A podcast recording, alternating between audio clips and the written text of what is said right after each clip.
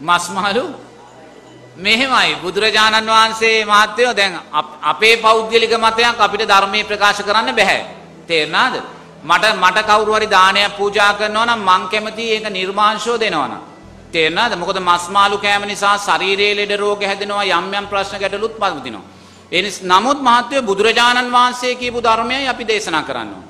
දෙන්න බුදුරජාණන් වහන්සේ කියන්නේ මාත්‍යය හුදු පින කියන තැන අපිව නතර කරන්න ආපු ශාස්ත්‍රුන් වහන්සේ කෙනෙක් නෙමෙයි. පින කියන තැන දේශනා කරන්න ක්‍රිස්තුස් වහන්සේ ඉන්නවා අල්ලාතුමා ඉන්නවා ඒගොල්ලෝ පින ගැන දේශනා කරනවා. බුදුරජාණන් වහන්සේ සාරා සංක කල්ප ලක්ෂ ගාණක් පාරමීදම් පුරාගෙන ඉන්නේ මේ හුදු කියන හුදු පින කියන තැන අපිව නතර කරලා තියන්න නෙමෙයි.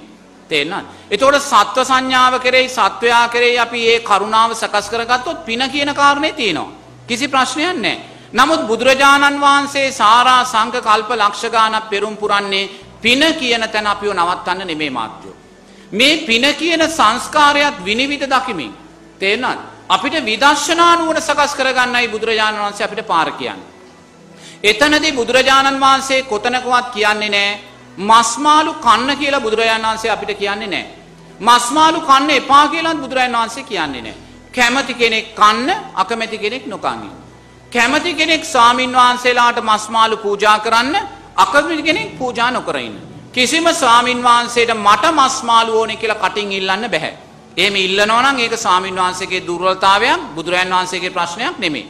එහෙමනම් මහත්තයෝ අපි මේ ධර්මතාවය තුලින් බුදුරජාන් වහන්සේ අපිව පින කියන තැන කොටු කරන්න නෙමේ හදන්නේ විදර්ශනා ප්‍රඥාව කියන කාරණය ඇති කරන්න. මන් දැන් මෙතන දානේ වළඳනවා. වළඳන වෙලාවේ දැන් මෙතන මාළු කෑල්ලක් තියෙනවා. මහත්තයා නිර්මාංශ කෙනෙක්. මහත්තයා මට ඇවිල්ලා කියනවා හාමුදුරනේ හාමුදුරුවෝ වරදක්නේ කරන්නේ. මේ මස් මාංශ හාමුදුරුවෝ වළඳනවානේ කියලා. එතකොට මං කියනවා මහත්තයෝ පුත් මහත්තයෝ මෙතන මැරිච්ච සතෙක් නැහැ. මේ මාළුවා මේ වෙලාවේ දෙවියෙක් වෙලා ඉපදිලා ඉන්න පුළුවන්. මේ මාළුවා මේ වෙලාවේ මිනිස්සෙක් වෙලා ඉපදිලා ඉන්න පුළුවන්. මේ මාළුවා මේ වෙලාවේ මාළුවෙක් වෙලා ඉපදිලා ඉන්න පුළුවන්. එහෙනම් මාත්‍යෝ අපි මේ රණ්ඩු වෙන්නේ කොහේ හරි ඉපදිලා ඉන්න සතෙක් වෙනුවෙන්. මේ සතා මේ වෙලාවේ කොහේ හරි ඉපදිලා ඉන්නේ. තේරුණාද? එතකොට මහත්තයා ඊළඟට අහනවා නෑ හාමුදුරනේ. මෙතන දැලකට අවුවෙලා මැරිච්ච මාළුවෙක් ඉන්නවානේ. ඔව් ඉන්නවා. ඒ දැලට ඒ මාළුවා අහු කරගත්ත කෙනාට ප්‍රාණඝාත අකුසලයේ තියෙනවා. කිසි ප්‍රශ්නයක් නැහැ. දෙන. නමුත් ඒ මාළුවා දැලට අහුනේ එයාගේ සංස්කාරයන් නිසයි මාත්‍යෝ. සමහර දරුවෝ ඉන්නවා මව් කුසේදීම මැරෙනවා. සමහර දරුවෝ ඉන්නවා ඉපදෙන්නේ යන මොහොතේදී මැරෙනවා. සමහර දරුවෝ ඉන්නවා අවුරුද්දක් දෙකක් තුනක් හතරක් පහක් ගිහිල්ලා මැරෙනවා. ඒ දරුවාගේ සංස්කාර. නැතුව දොස්තර මහත්තයාගේ වරදවත් රෝහලේ වරදවත් ඒ යාගේ සංස්කාර මාත්‍යෝ. ඒ වගේ මාළුවා දැලට අහුනේ එයාගේ සංස්කාරයක් නිසා. එයා ඒ වෙලාවේ මැරෙන්න තිබ්බ මාත්‍යෝ. එයා දැලට අහුනේ නැත්තම් ලොකු මාළුවෙක් එයාව ගිලලා මරද දාන්න පුළුවන්. මුහුද නැද්ද අවුරුදු 25ක් ජීවත් වෙන මාළු? මුහුද නැද්ද අවුරුදු 50ක් ජීවත් වෙන මාළු? මුහුද නැද්ද අවුරුදු 100ක් ජීවත් වෙන මාළු? ඒ කොහොමද ඒගොල්ලන්ට දීර්ඝායුෂ ලැබුණේ? ඒ ඒගොල්ලන්ගේ සංස්කාර මාත්‍යෝ. සමහර දරුවෙක් අවුරුදු 5න් මැරෙනකොට සමහර මහත්තයෙක් අවුරුදු 100ක් ජීවත් වෙනවා. ඒ දෙදෙනාගේ සංස්කාර. බුදුරජාණන් වහන්සේ මේ ලෝකය දේශනා කරන්නේ සංස්කාරයන්ට යටත් කරලා මාත්‍යයෝ. එතකොට මේ මාළුවෙක් වෙලා කුකුලෙක් වෙලා හරකෙක් වෙලා එළුවෙක් වෙලා ඉපදෙන්නේ කවුද? පෙර ජීවිතේ සත්වඝාතකයෙක්මයි. දැන් අර පිටකොටුවේ තොගේට කුකුල් මස් වෙළඳම් කරන කඩේ තියෙනවා. එතන කුකුල මරණ මිනිස්යා මාත්‍යෝ දවසට කුකුල්ලු 1000ක් 2000ක් මැරෙනවා. මරනවා. ඒ මහත්තයා මැරිලා දිව්‍ය ලෝකෙක ඉපදෙයිද? මනුස්ස ලෝකෙක ඉපදෙයිද? කුකුලෙක් වෙලාමයි ඉපදෙන්නේ. ඇයි කුකුලෙක් වෙලා ඉපදෙන්නේ? එයා කුකුල්ලු මැරුවා වගේම මෙයා මැරුම් කන්නයි මාත්‍යෝ. එතකොට ඒ සත්වඝාතකයා කුසල් විපාකය නිසා කුකුලෙක් වෙලා ඉපදෙද්දී මහත්තයාට පුළුවන් දේ කුකුලව ගලව ගන්න? පුළුවන්ද? එයා ඒ අකුසලයක් විපාක මාත්‍ය. ඒතර බුදුරජාණන් වහන්සේ ඔතන තමයි අපිට මතු කළ දෙන්නේ. ඒ නිසා මාත්‍යෝ මේ ධර්ම ගමනේදී අපි කවදා හරි චතුරාර්ය සත්‍ය අවබෝධ කරනවා නම් මේ ඇහැ තුල සත්වයක් පුද්ගලයෙක් නැහැ කියලා අපි අවබෝධ කරගන්නවා. මේ කන මේ නාසය මේ දිව මේ ශරීරය මේ මනස හේතුඵල ධර්මයන් තුලින් සකස් වුණා වූ පටිච්ච සමුප්පාදේ ක්‍රියාවලියේ ඵලය මිසක් මෙතන සත්වයක් පුද්ගලයෙක් නැහැ කියලා හඳුනා ගන්නවා. එහෙනම් මාත්‍යෝ අපි මේ ගමන යද්දී අපි මාළු කෑල්ල තුල මාළුවෙක් දකිනවා නම් කුකුල් මැස් කෑල්ල තුල කුකුලෙක් දකිනවා නම් ඒ සත්ත ආත්මීය සංඥාව ගන්නවා නම් කවදාකවත් අපිට මේ ගමන යන්න බෑ. තේරුණාද? මං එක්තරා ආරණ්‍යයකට වඩින්න දැන් දවල් දානේ ගන්නවා. දවල් දානේ ගන්නකොට දැන් ස්වාමින් වහන්සේලා කිරි වළඳනවා. මේ කිරි.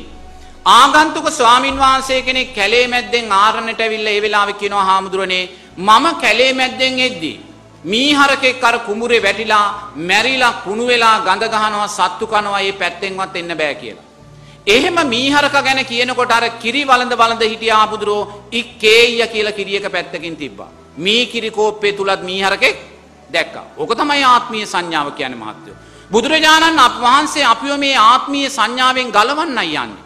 රහතන් වහන්සේ කෙනෙක් පාත්තරේ මාළු කෑල්ලක් තියෙනවා නම් පොලොස් වෑංජනයක් තියෙනවා නම් කැරට් වෑංජනයක් තියෙනවා නම් මැල්ලුමක් තියෙනවා නම් මේ සියල්ලක්ම සතර මහා ධාතු හැටියටයි දකින්නේ.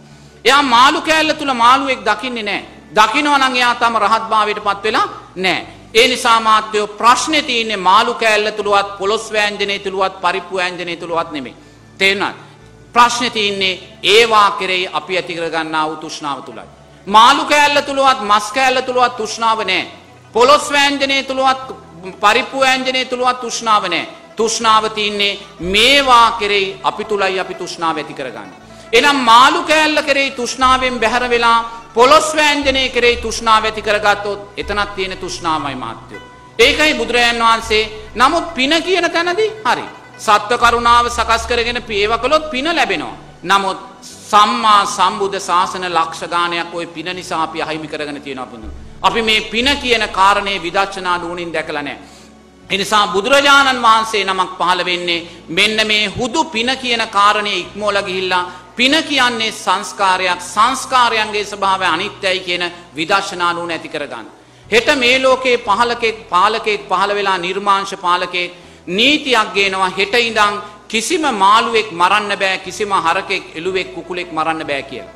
අවුරුද්දක් යනකොට මහත්තයෝ සත්ව ගහනය මනුස්ස ගහනය ඉක්මෝල ගිහිල්ලා විසබීජ පැතිරිලා මේ මුළු මනුස්ස ගහනෙම නැති වෙලා යනවා මහත්තයෝ. එහෙනම් ඒක ලෝකේ කවදාකවත් වෙන්න බෑ. නමුත් අපිට කියන්න පුළුවන් එහෙම කරන්න පුළුවන් කියලා. නමුත් ඒක ලෝකේ යථාර්ථයක් වෙන්නේ නැහැ කවදාකවත් මාත්. ඒ නිසා තිරිසන් සතෙක් වෙලා ඉපදෙන්නේ එයාගේ අකුසල් නිසාමයි.